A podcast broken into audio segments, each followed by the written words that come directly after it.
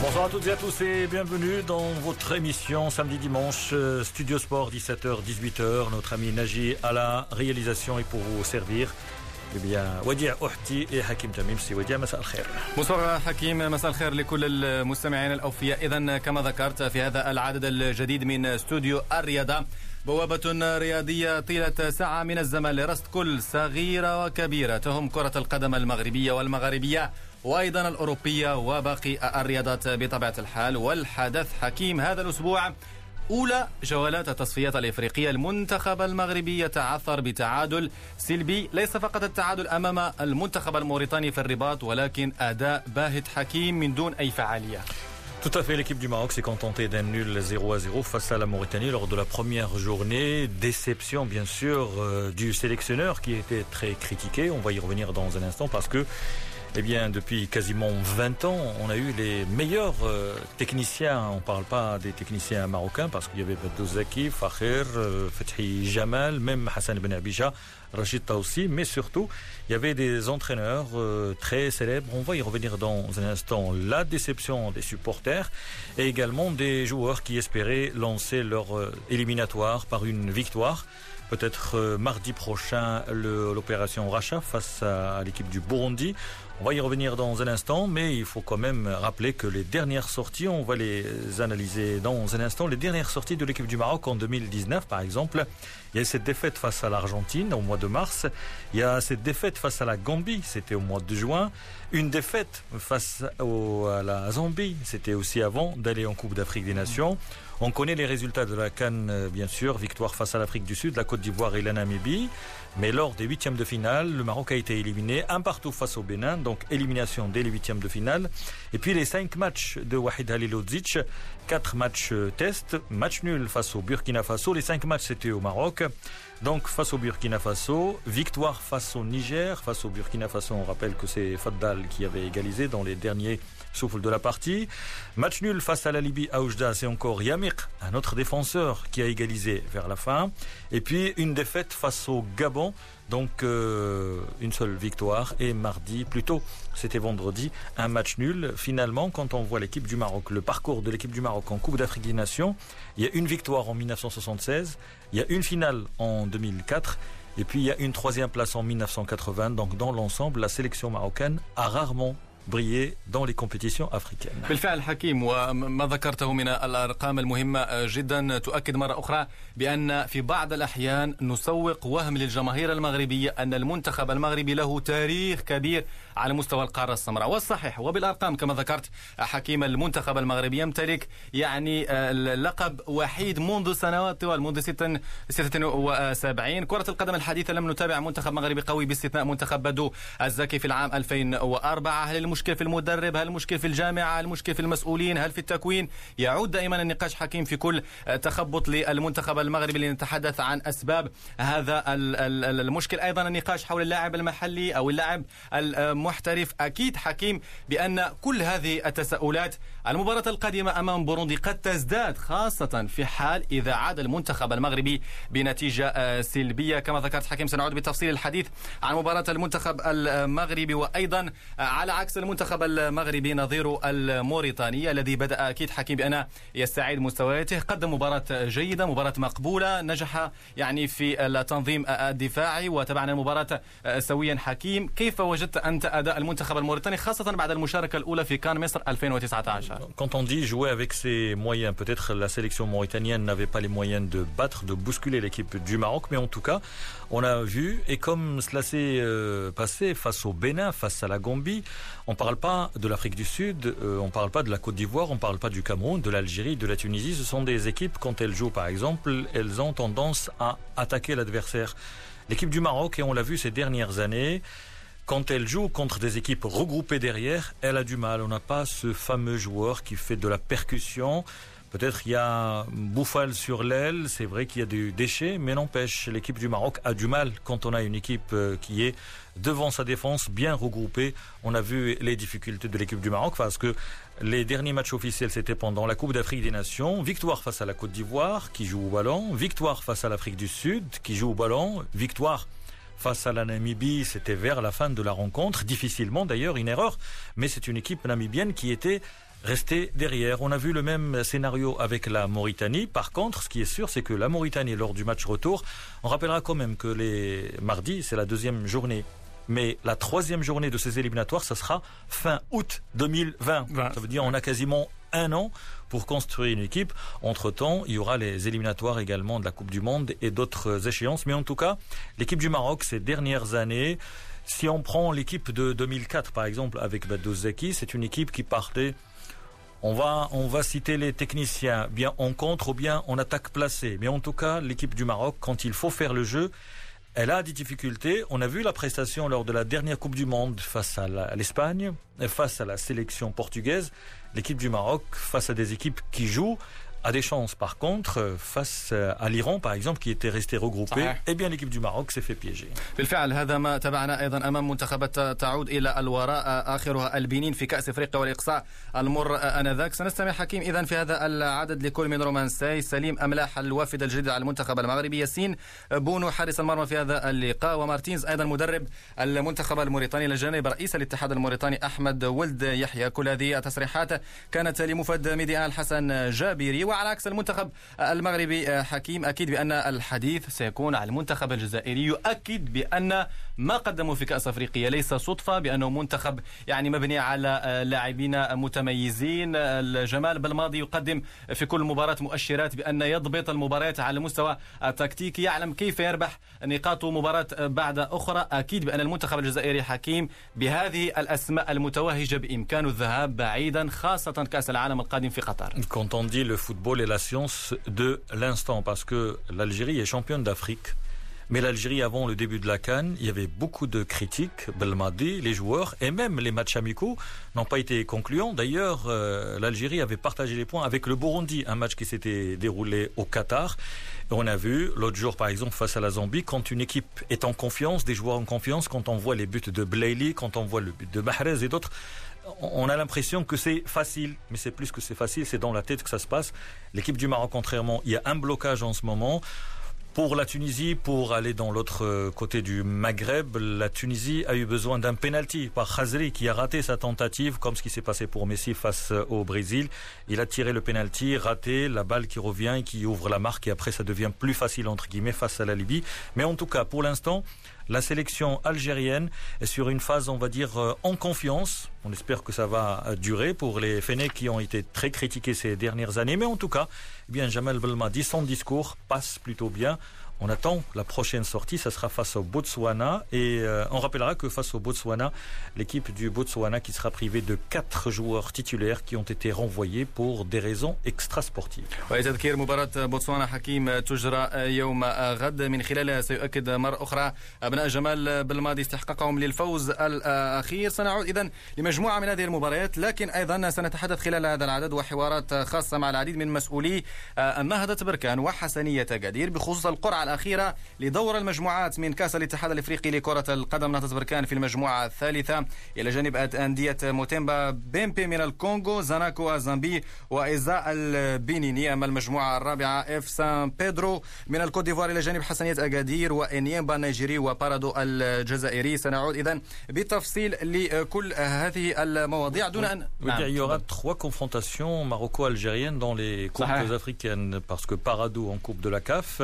Pour le Hassania, le Raja face à la jeunesse sportive de Kabylie et puis l'Uidad face à l'USMA en Ligue des Champions. بالفعل العديد من الدربيات المغاربية حكيم وسنرى لمن ستكون الغلبة من دون شك. حكيم العودة مرة أخرى إلى وجد هذه المرة ليس للمنتخب المغربي ولكن نهائي كأس العرش. تبعت العديد من نهائيات كأس العرش لكن هذه المرة حكيم الحسنية قدير. مرة أخرى أمام نادي من القسم الثاني الاتحاد البيضاوي الاتحاد ومن لا يعلم هذا الفريق العريق للحي المحمدي le le, tribunal arbitral du sport, le TAS, de Casablanca, célèbre euh, équipe bien sûr. Et puis le Hassania d'Agadir, c'est la première fois que le TAS assiste ou plutôt accède à ce stade de la compétition. Par contre, le Hassania d'Agadir a perdu deux fois en 1963 déjà, c'était face au Kaukab de Marrakech et puis une deuxième défaite il y a quelques années face à l'Olympique de. En tout cas, le Hassania qui confirme bien sûr ces dernières années a toujours fait partie des équipes de tête en championnat, les participations dans les compétitions africaines, il y a une certaine expérience. Mais on l'a vu l'autre jour, le TAS face à l'équipe du Difa d'El Jadidaï. Pourtant, le Difa passé par une bonne période. On a vu une équipe du TAS, peut-être il y a certains qui disent on n'a rien à perdre peut-être un match, mais en tout cas, l'équipe du TAS a fait jeu égal et par moments a été supérieure au Difa d'Al Jadida. Qualification à l'arraché, à l'issue du temps réglementaire, à l'issue de la prolongation. Peut-être il y a un effet de jeu parce que quand il y a une euh, expulsion, quand il y a un penalty, une erreur d'arbitrage, même si là on aura recours à la VAR, mais en tout cas le TAS a ses chances pour entrer dans l'histoire. En tout cas, le vainqueur euh, sera sacré pour la première fois de son histoire. بالفعل حكيم وخصصنا لهذا العدد يعني ملفين خاصين ملف عن الاتحاد البيضاوي ومساره إلى في كأس العرش وأيضا مساره التاريخي وأيضا حسنية اكادير اذا من دون إطالة مستمعينا الكرام إلى التفاصيل 17h15 sur Média vers la fin de, la, de cette édition. Si on a le temps, on va parler tennis avec ce soir la finale du Masters. Deux jeunes également. passe face à Tim Zverev. Le tenant du titre a été éliminé hier en demi-finale. Le football donc. Les éliminatoires de la CAL la première journée. Ce match nul vendredi à Rabat 0 à 0 entre le Maroc et la Mauritanie. On va écouter plusieurs euh, intervenants au cours de cette euh, rencontre. Bien entendu, Hassan El-Jabiri, l'envoyé spécial de Média, a recueilli d'abord les impressions d'un joueur qui était absent lors des matchs de septembre et octobre, mais qui était présent, le défenseur marocain qui évolue en Angleterre, Romain Saïs. On n'a pas marqué. Euh, c'est ça la principale difficulté. Tu fais tout ce qu'il faut sur, euh, sur le terrain pour gagner. Euh, tu fais des occasions, tu es costaud et tu marques pas. Si tu veux gagner des matchs, il faut marquer des buts. Il faut être efficace. Tous les matchs, on joue pour les gagner. Donc, euh, euh, qu'on joue le Burundi, Mauritanie, ou Cameroun, Côte d'Ivoire, Algérie, n'importe qui, on joue les matchs pour les gagner. On a fait ce qu'il fallait pour le gagner, mais on a manqué d'efficacité. On a amené des occasions, tout ça. Voilà, on a toujours ce problème d'efficacité. Il faut qu'on travaille là-dessus. On a vu que malgré qu'on avait beaucoup de nouveaux joueurs. On a réussi à trouver nos marques sur le, terrain. ça va aller de mieux petit à petit, Inch'Allah. Donc il euh, faut être patient aussi dans le travail. On savait qu'il allait avoir un, un, laps de temps où ça allait être peut-être un peu plus compliqué parce qu'il y a beaucoup de cadres qui sont partis, changeant d'entraîneur des nouveaux joueurs qui arrivent. Donc euh, c'est un nouveau projet qui démarre. Donc euh, ça va pas se faire du jour au lendemain. Il faut être patient. Il faut croire en ce groupe, au staff, au coach. On se prépare pour euh, se qualifier pour la Cannes et après pour la Coupe du Monde, Inch'Allah. Mais ça va pas se faire en, claquant des doigts. Il faut travailler, il faut travailler. Voilà, je pense qu'il faut rester positif quand même aujourd'hui. Inch'Allah, ça va le faire claquant du, des. Donc, eh bien, c'était les euh, impressions de Romain Saïs qui faisait partie, bien sûr, avec, euh, avec euh, Benatia, la défense centrale, parfois également d'autres joueurs, mais en tout cas, c'est l'un des euh, joueurs clés de cette équipe du Maroc, toujours égal à lui-même. C'est vrai qu'il y aura une question, il y a beaucoup de questions, bien sûr, la titularisation de Yassine Bounou, l'un des meilleurs gardiens, bien sûr, mais qui ne joue pas avec le FC Séville. Une charnière centrale composée de joueurs gauchers, c'est difficile pour la relance. Également, sur le côté gauche, on voit Ashraf Hakimi au Borussia Dortmund, il est excellent sur le côté droit, il est excellent, il est l'un des meilleurs, si ce n'est le meilleur actuellement. Mais forcément, quand on voit Ashraf Hakimi côté gauche, on se pose la question, par exemple, là, c'est pas pour critiquer, mais ce sont des données. Combien de fois Hakimi, vendredi, est arrivé vers euh, la, la surface de réparation? Combien de fois il est entré? Alors qu'on sait que Hakimi côté droit, Bien sûr, Mzaraoui côté droit, il est excellent, mais là aussi, il faut se poser des questions après le retour de Ta'arab. En tout cas, il y a des questions qu'on va se poser dans un instant parce que, eh bien, Wahid Halilodzic a récupéré une équipe qui était, bien sûr, blessée après la Cannes. Mais pour l'instant, après les quatre matchs amicaux et le premier match officiel, on a l'impression qu'il est en train de chercher, de se chercher lui-même d'ailleurs. On écoute à ce propos, eh bien, Salim Amlah, c'est l'une des révélations de cette rencontre. Des questions se posent dans l'association avec Ta'arabt, avec euh, Hakimi plutôt euh, Hakim Ziyash. Mais en tout cas, Salim euh, Amlah, pour sa première prestation, il a laissé de bonnes impressions, à confirmer bien sûr. En plus, c'est un jeune joueur âgé de 23 ans, Salim Amlah. Premier match de ma part avec l'équipe nationale. Voilà, j'aurais aimé repartir avec une victoire, mais malheureusement, on, a, on repart avec le match nul et on, est un peu déçu. Là, je pense collectivement et aujourd'hui, j'aurais, on aurait aimé repartir avec la victoire, mais, mais malheureusement, on a, on a, on pris qu'un point aujourd'hui et, euh, on est, on est déçu. Je pense qu'on va aller là-bas pour gagner. Hein. Je pense qu'aujourd'hui, on, était là aussi pour gagner. On n'a pas réussi. Donc euh, voilà, on va, on au déplacement au Burundi pour, euh, pour apporter les trois points. C'est un choix de cœur, c'est un choix de. C'est mon propre choix.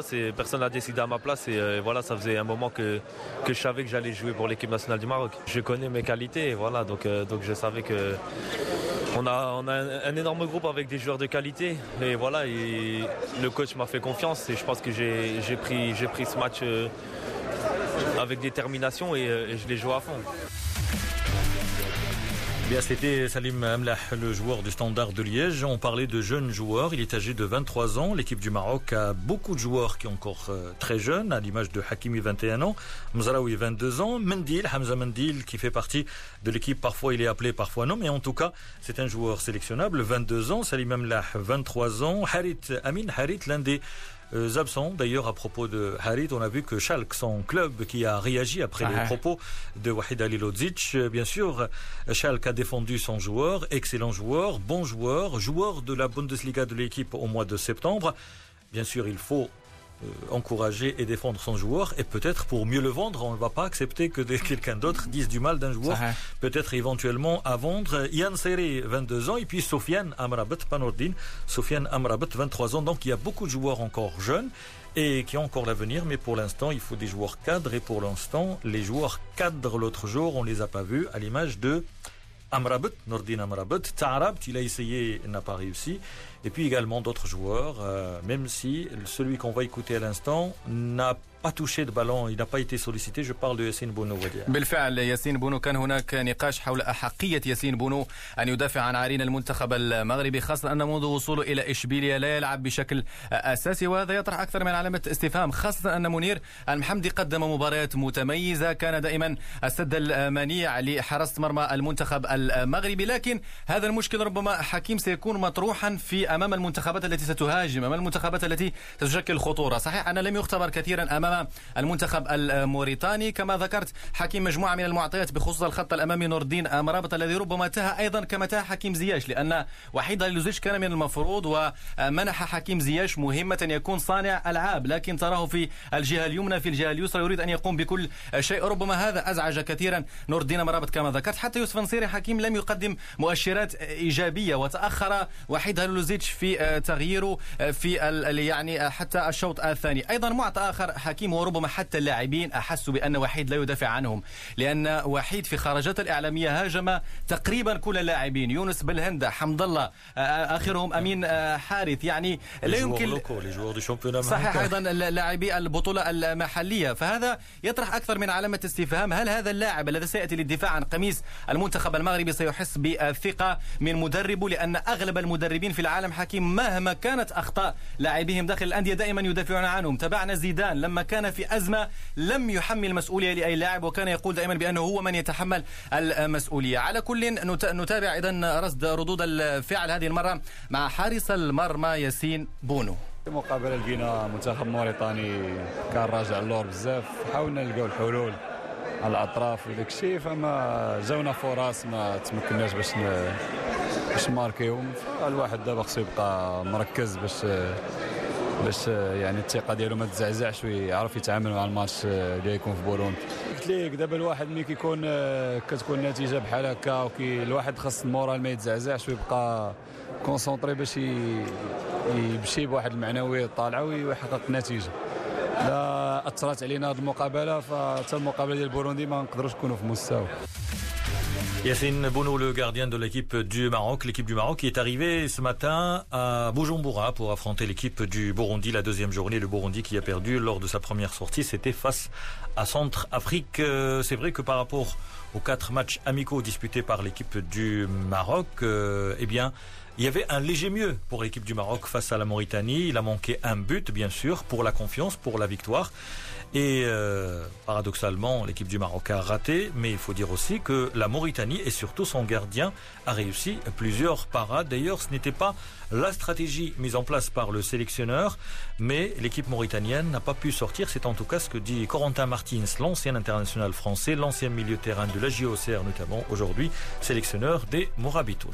On a énormément défendu, trop défendu. C'est pas ce qu'on souhaitait. On souhaitait un peu plus avoir le ballon, essayer de plus se projeter, de, se créer des occasions, mais on, a eu beaucoup de mal sur le plan offensif à exister parce qu'on a, on a été trop timide. Dès qu'on récupérait le ballon, on, le perdait aussitôt. Donc, euh, mis à part euh, 5-6 fois dans le match, euh, mais à chaque fois qu'on a réussi à passer leur ligne de pression, on a, été euh, pas au bout de nos actions, mais on aurait pu être plus dangereux si on avait été plus calme sur la dernière passe. C'est vrai que mes joueurs ont, beaucoup défendu.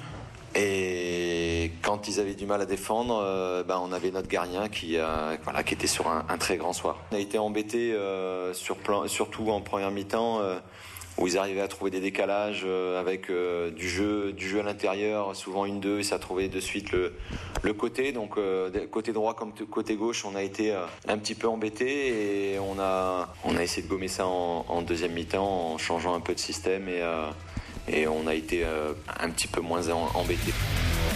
Corentin Martins, le sélectionneur des Morabitoun, qui a bien entendu euh, promis de jouer mieux et d'attaquer lors du match retour. Et on peut lui faire confiance puisque la Mauritanie a laissé une très bonne impression lors de la dernière canne et a failli battre la Tunisie lors de la phase de poule.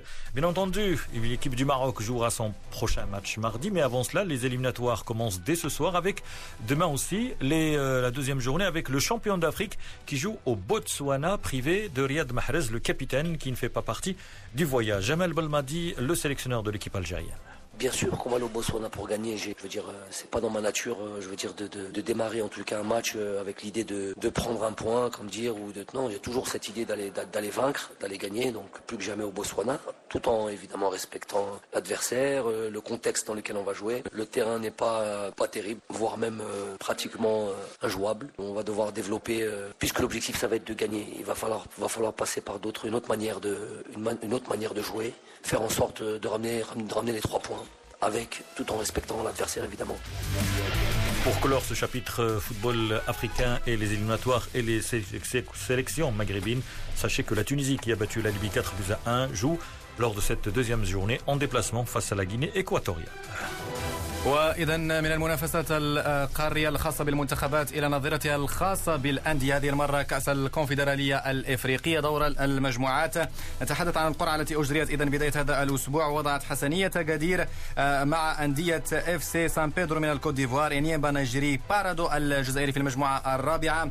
وسنعود أيضا إلى مجموعة نهضه بركان التي آه، أوقعتها القرعة مع موتيما بيمبي من الكونغو زاناكو وإيساي البنيني. عن قرعة حسنية اكادير نستمع لرئيسها الحبيب سيدينو.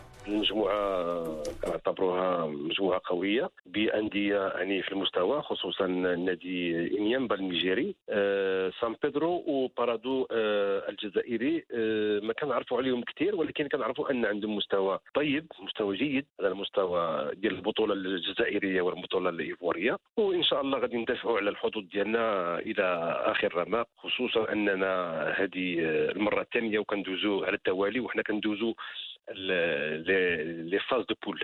بطبيعة الحال ما يمكن أن نصفه بالإنجاز السنة الماضية لكن بالنسبة لهذه السنة الفريق ربما يطمع في أكثر من دور المجموعات ويطمع أكثر حتى من دور ربع النهائي الذي بلغه السنة الماضية. هناك مباراة ديربي مغاربي أمام نادي آه، بارادو عودة إنيمبا ربما مباراة صعبة أيضا وفريق آه، سان بيدرو. على مستوى التنقلات تنقل صعب لنيجيريا بينما المباراتين أيضا. هناك رحلة الكوت ديفوار لكن تبقى الخصم الأساسي ربما سيكون إنيمبا النيجيري. فعلا الخصم القوي يعني كان اللي كنديروا لنا في الرتبة ما بين دوك الثلاث الأندية كندير في الرتبة الأولى انيمبا اللي هو فريق قوي وعنده عدة لاعبين اللي كيلعبوا في في الفريق الوطني المحلي. آه، فبالتالي كنظن ان الخصم يعني القوي أقوى أقوى أقوى خصم في هذه المجموعة هو فريق إنيمبا ولو أنه سان بيدرو آه، حتى هو راه كنظن أنه كيحتل الرتبة الثانية في البطولة. ف voilà donc غادي يكون واحد يعني مقابلات قوية ما بين جميع الأندية. كان اذا الحبيب سيدي نور رئيس حسنية اكادير وسنعود لفريق حسنية اكادير في الجزء الثاني الذي سنخصصه لنهائي كأس العرش أمام الاتحاد البيضاوي. نذكر أن أول اختبار لحسنية اكادير في كأس الكاف في دور المجموعات سيكون أمام انيمبا النيجيري. أما نهضة بركان فسيلاقي اذا جوبي البنيني نذكر اذا بأن كل هذه المباريات مرتقبة نهاية الشهر الجاري. بهذا اذا مستمعينا الكرام نصل إلى نهاية الجزء الأول من برنامج استوديو الرياضة الموعد يتجدد في الجزء الثاني. الخامسة والدقيقة الرابعة والثلاثون باستديوهاتنا هنا في ميدي ان بطنجة طيب الوقت ضاع منك حكيم. سنلجأ إلى الفار رفقة مخرج عدد اليوم. الناجي نبيل. أكيد بأن الساعة تستمر وأيضا الأحداث الرياضية مستمرة. ونحن أيضا مستمرون معكم مستمعينا الكرام في رصد كل ردود الفعل الخاصة بعدد اليوم. كنا قد توقفنا بطبيعة الحال عند ردة فعل الحبيب سيدي نور رئيس حسنية أكادير بخصوص قرعة الكأس الكاف. أيضا سنقف لحظة عند ردة فعل الكاتب العام للنهضة البركانية بخصوص القرعة قرعة نهضة بركان التي وضعته في المجموعة الثالثة. ماشي قرعة سهلة وإنما يقدر نقول لك القرعة كانت رحيمة. رحيمة لماذا؟ اولا تفادينا حسنية أكادير. هذا هو المبتغى ديالنا الأول. باش تكون الكرة المغربية ممثلة فريقين قسموا على المجموعات.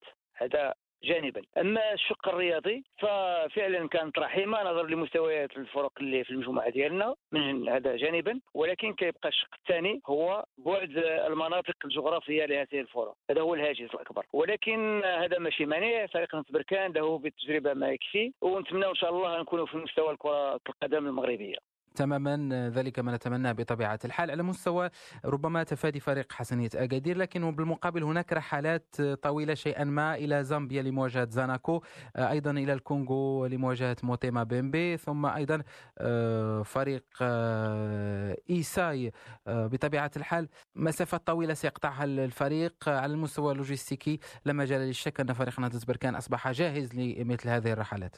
فعلا إلى خذينا كمثال. مشينا لابعد نقطة في إفريقيا هما جزر مدغشقر جزيرة مدغشقر. اذا أكبر نقطة اللي بعيده هي هذه. اذا بالنسبة للأدغال الإفريقية عندنا من تجربة ما يكفي. الحمد لله عندنا إخوان اللي مقابلين ال logistique ديال الفريق كتنقلوا قبل الفريق كيوجدونا الأرضية فيما فيها النقل المبيت ملاعب تدريب ما كيخليو حتى دوك الجزئيات البسيطة وهذا هو سر نجاح فريق بركان في الأدغال الإفريقية. نتحول إلى شق آخر في حديثنا معك سي محمد القاسمي الكاتب العام لفريق نهضة بركان المسيرة مع المدرب طارق السكتيوي بدأت ممكن أن نصفها بالمتميزة رغم قصر المدة فوز على الوداد البيضاوي في آخر مباراة خاصة بالبطولة المغربية بهدف دون رد بمدينة الدار البيضاء. العودة أمام فريق آه، الفريق المدغشقري بمدينة بركان والفوز الكبير. هل اختيار طارق السكتيوي بدا ربما يعطي آه، ثماره على المستوى الرياضي؟ كما قلت لك فريق نهضة بركان ليس بالفريق الرياضي وانما بالعائلة الرياضية. بالنسبة لطارق السكتيوي مدرب شاب طموح لقى الأرضية فين يفجر آه، المجهودات ديالو وراه في الطريق الصحيح. ونتمنى له كل خير. كل واحد يعرف ما له وما عليه. انطلاقا من المكتب المسير الطاقم الإداري الطاقم الطبي اللاعبين الجمهور الكل راه ملتف حول هذا الفريق. ويتمنى الكل باش يمشي للأفضل. كان هذا اذا محمد القاسمي الكاتب العام لنهضة بركان. تحدث لميكروفون الزميل يوسف الشاطر نغلق اذا ملف الأندية المغربية في كأس الكاف ونفتح نهائي كأس العرش لهذا الموسم الذي وضع اذا في المشهد الختامي حسن يتقدير أمام الاتحاد البيضاوي الاتحاد البيضاوي الذي بلغ هذه المحطة للمرة الأولى في تاريخه ويطمح إلى إسعاد جماهير الحي المحمدي هناك بالدار البيضاء واستعادة أمجاد الماضي هذا النادي. التاريخي الذي ارتبط اسمه باللاعب والمسير والمدرب الأسبق المرحوم العربي الزولي. ملف خاص إذا عن الاتحاد البيضاوي في هذا العدد.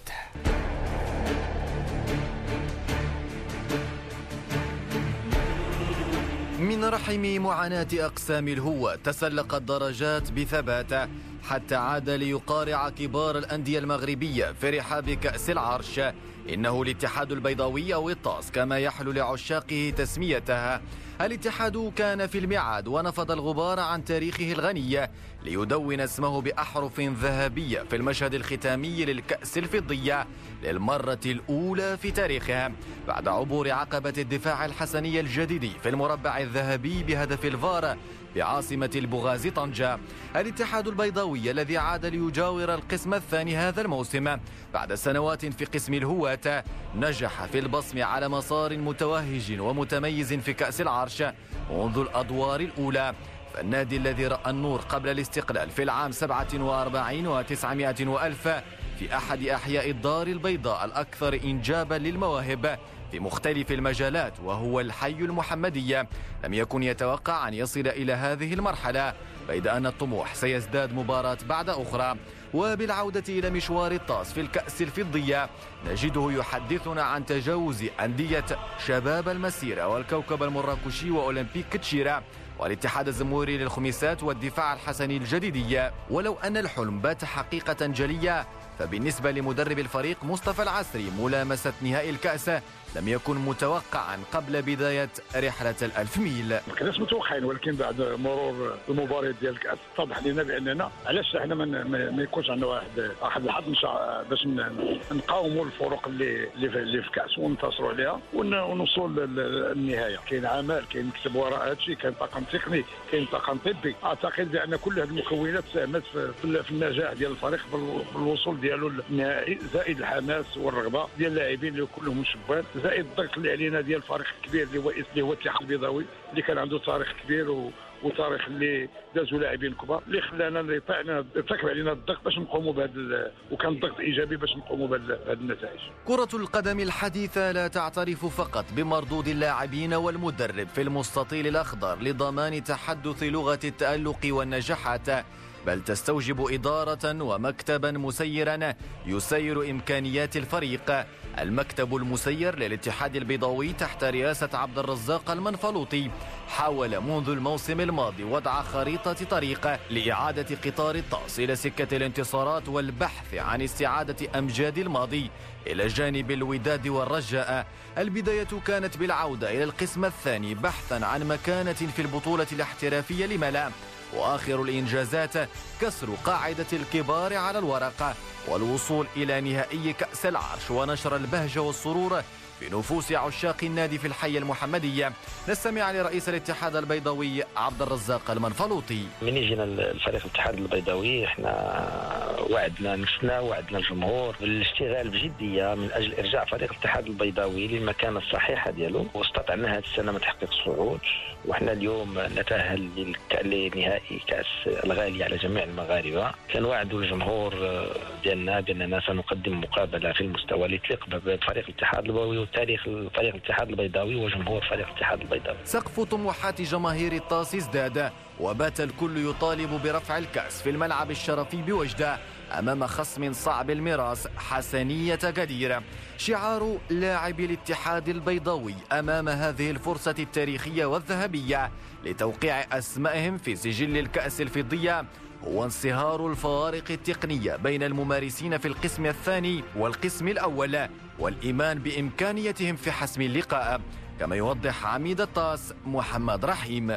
المقابله النهائية كتختلف على كاع المقابلات. يعني كتلعب كتلعب على واحد الجزئيات اللي صغار بزاف. اللاعبين عارفين هذا الشيء صراحة. واخا معدل الاعمار اللاعبين باقيين شباب الأغلبية ديالهم كيلعب أول مرة مباراه مباراة نهائية في هذا الكأس. كنظن أن في رقعة الميدان اللي كتدخل راه كنبقاو ما كيبقى لا فرق لا ما بين ال première division ولا deuxième division. لاعبين ضد 11 لاعب ضد 11 إلا كانت ديك الروح القتاليه وكانت ديك آه، وديك العزيمة اللي كانت في مباراة الناس كيف ما شاف الجميع العزيمة والإرادة كانت عندنا أكثر من الفريق الجديد. إن شاء الله آه، غنقدموا واحد المباراة كبيرة ونجيبوا الكأس إن شاء الله. وبالنسبة لمدرب الفريق مصطفى العسري فالمهمه جد معقدة أمام غزالة سوس وينتظر الإضافة من اللاعب رقم 12 الجمهور. نواجهوا فريق قوي فريق اللي عنده تجارب كبيرة. في القسم الأول فريق اللي عنده استقرار في الطاقم التقني. استقرار في اللاعبين. أعتقد بأن المباراة تكون صعيبة وصعيبة علينا بزاف. غادي نحاولوا إن شاء الله باش نقدموا مباراة جميلة اللي تخلينا باش نشرفوا الفريق ديال الاتحاد البيضاوي الجماهير تنطمن الجماهير باش تحج مدينة وجدان. إن شاء الله باش تزيد أزر هاد الوليدات الصغار اللي عندهم واحد الرغبه واحد الحماس باش يرجعوا تاريخ وأمجاد فريق الاتحاد البيضاوي. ولأن المناسبة الشرط الفينا وجوب السفر في أبرز المحطات التاريخية لهذا النادي. فالجيل الحالي لا يعلم الكثير من تاريخ الطاس العريق في الحي المحمدي ومدينة الدار البيضاء. كيف لا؟ وفي وقت من الأوقات تقاسم مع الرجاء والوداد شعبيتهما. الطاس ارتبط اسمه بشكل وثيق بالمرحوم العربي الزاولي اللاعب والمدرب والمسير الذي وضع الاتحاد البيضاوي فوق السكة الصحيحة. فقد تخصص الرجل في اكتشاف المواهب الراغبة في البحث عن النجومية. وكان له الدور في تعزيز العديد من لاعبي الطاس صفوف أسود الأطلس.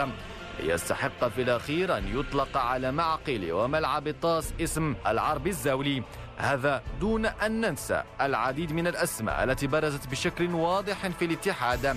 نستمع للصحفي والناقد الرياضي بالعيد. بويميد اللي لازم منه بؤاسة بوشعيب عبد الله الزهار وآخرون كثيرين كنجوم. يعني اللي كانوا في مستوى هذا التحدي. التحدي أيام طبعا الاستعمار. وخلق هذا المشروع الرياضي الوطني كذلك. فمن لا يعرف طاس. طاس كان كيلعب أدوار طلائعيه اولا مدينة الدار البيضاء في وقت كانت فيه الوداد والرجاء والراك. طبعا الاتحاد البيضاوي. أغلبية الفرجة الكروية من مستوى عالي مستوى ديال المحترفين لأن عبد الزهر عبد الله الزهر لاعب للطاس ولكن كذلك عنده ماضي آه، في في مجال الاحتراف وكان ضمن التشكيلة ديال 1962 التي لعبت آه، ضد إسبانيا للتاهل لكأس العالم التي دارت بالشيلي آنذاك. فاذا هذا الجانب ديال العالميه موجود عند الطاس الطاس نادي ديال التكوين. كان يصدر لاعبين من مستوى عالي ولعبوا في كل الفرق فرق تقريبا في المغرب. وكان المربي والمكون والمؤطر ورجل رجل الحي ورجل كذلك الأزقة والشوارع. وليتران فاغ هذيك الساعة كان هو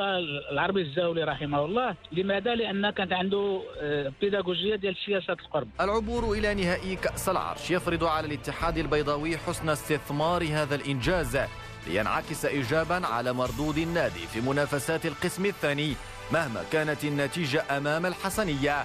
وتفادي الدخول في مرحلة شاكة كما يوضح الصحفي والناقد الرياضي بالعيد بويميد. المج بين التاريخ بين البارحة واليوم ربما سيساهم في تنمية الاتحاد البيضاوي من جديد ولكن شرط أن يكون أن يكون الأطور المسيرين والمحبين وكذلك الجمهور ديال الحي المحمدي في مستوى التحدي الذي يتطلب اليوم تخصصا كبيرا في ميدان التنمية في ميدان كذلك التمويل في ميدان الاقتصاد الكروي. أظن أن ما بعد نهاية كأس العرش ستكون أصعب بكثير من ما من ما, ما قبل آه، نهاية كأس العرش. العرش فاذا على المسيرين وعلى سكان الحي وعلى الجميع وعلى كذلك الأندية الأخرى أن تتحمل مسؤوليتها. الاتحاد البيضاوي بحجم انتظارات جماهيرها. سيلعب الكل الكل بحثا عن إنجاز تاريخي في المشهد الختامي خاصة أن وداد فاس الموسم الماضي كان قريبا من قلب الطاولة على نهضة بركان وتحقيق اللقب. فهل يتعلم الطاس يا ترى من الدارس ويعود بالكأس الفضية من عاصمة الشرق إلى أزقة وشوارع الحي المحمدي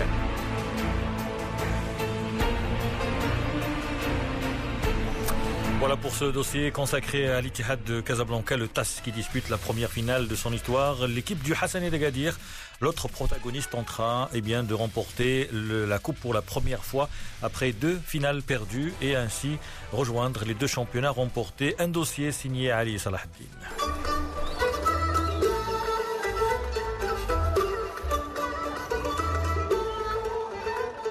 Treize ans plus tard, le Hassani Gadir retrouve la finale de la Coupe du Trône. La formation Gadiri se voit récompensée de son très bon début de saison qui lui a également permis de retrouver les phases de groupe de la Coupe de la Confédération africaine.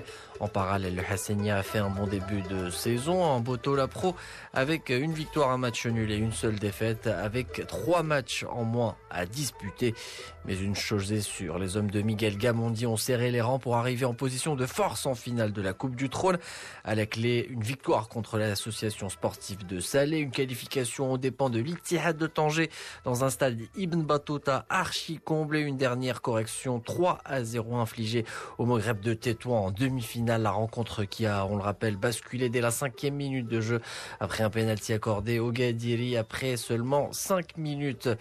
Bounaka, le portier du mat, a été averti puis expulsé pour avoir dépassé la ligne du but avant le tir du penalty. Enfin, la 11e minute, les Gadiri ont ouvert le score par le biais de Soufiane Bouftini qui a retiré son penalty avant que son coéquipier palestinien Tiamer Siam ne double la mise à 3 minutes de la pause lors du temps additionnel de la seconde période. Bouftini a signé son doublé sur un penalty obtenu à la 92e minute.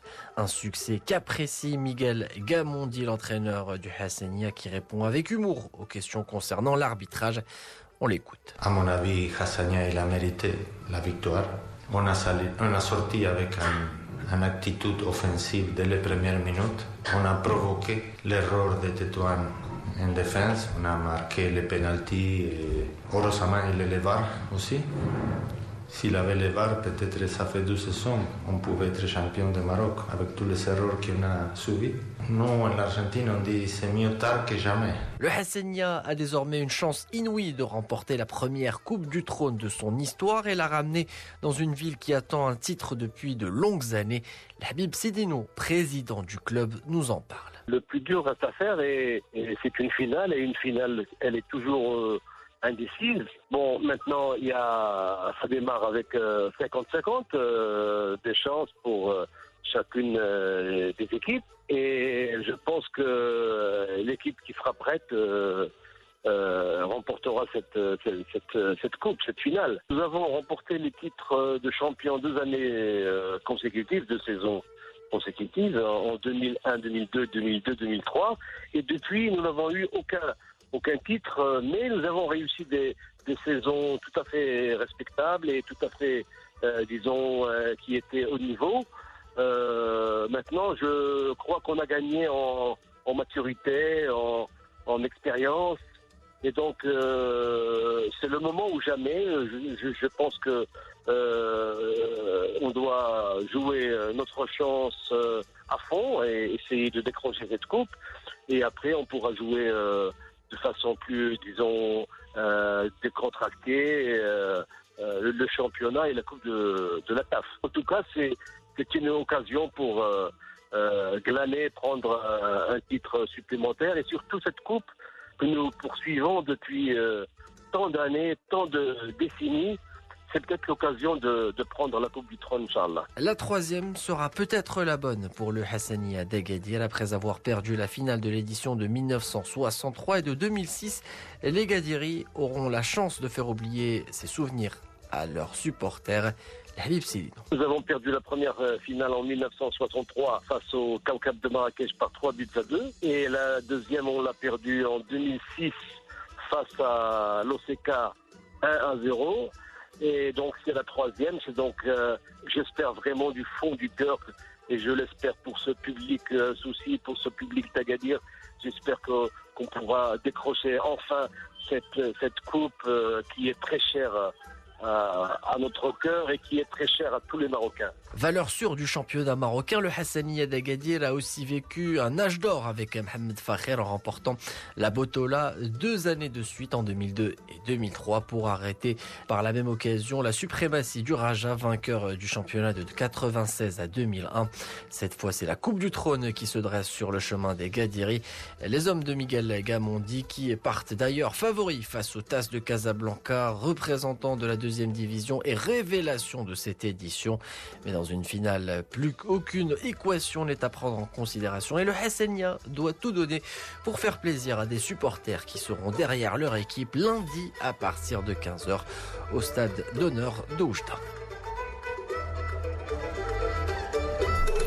Voilà donc pour ce dossier à propos du Hassania d'Agadir, signé Ali Salahaddin. Tout à l'heure, on a parlé de l'Ittihad de Casablanca. Demain, donc, la finale de la Coupe du Trône, l'Ittihad de Casablanca, le TAS face au Hassania à Oujda à partir de 15h. Adil Zorak sera l'arbitre de cette rencontre. Le vainqueur succédera au palmarès à l'équipe de la Renaissance de Berkane. C'est la fin de cette édition de Studio Sport. Merci de votre fidélité.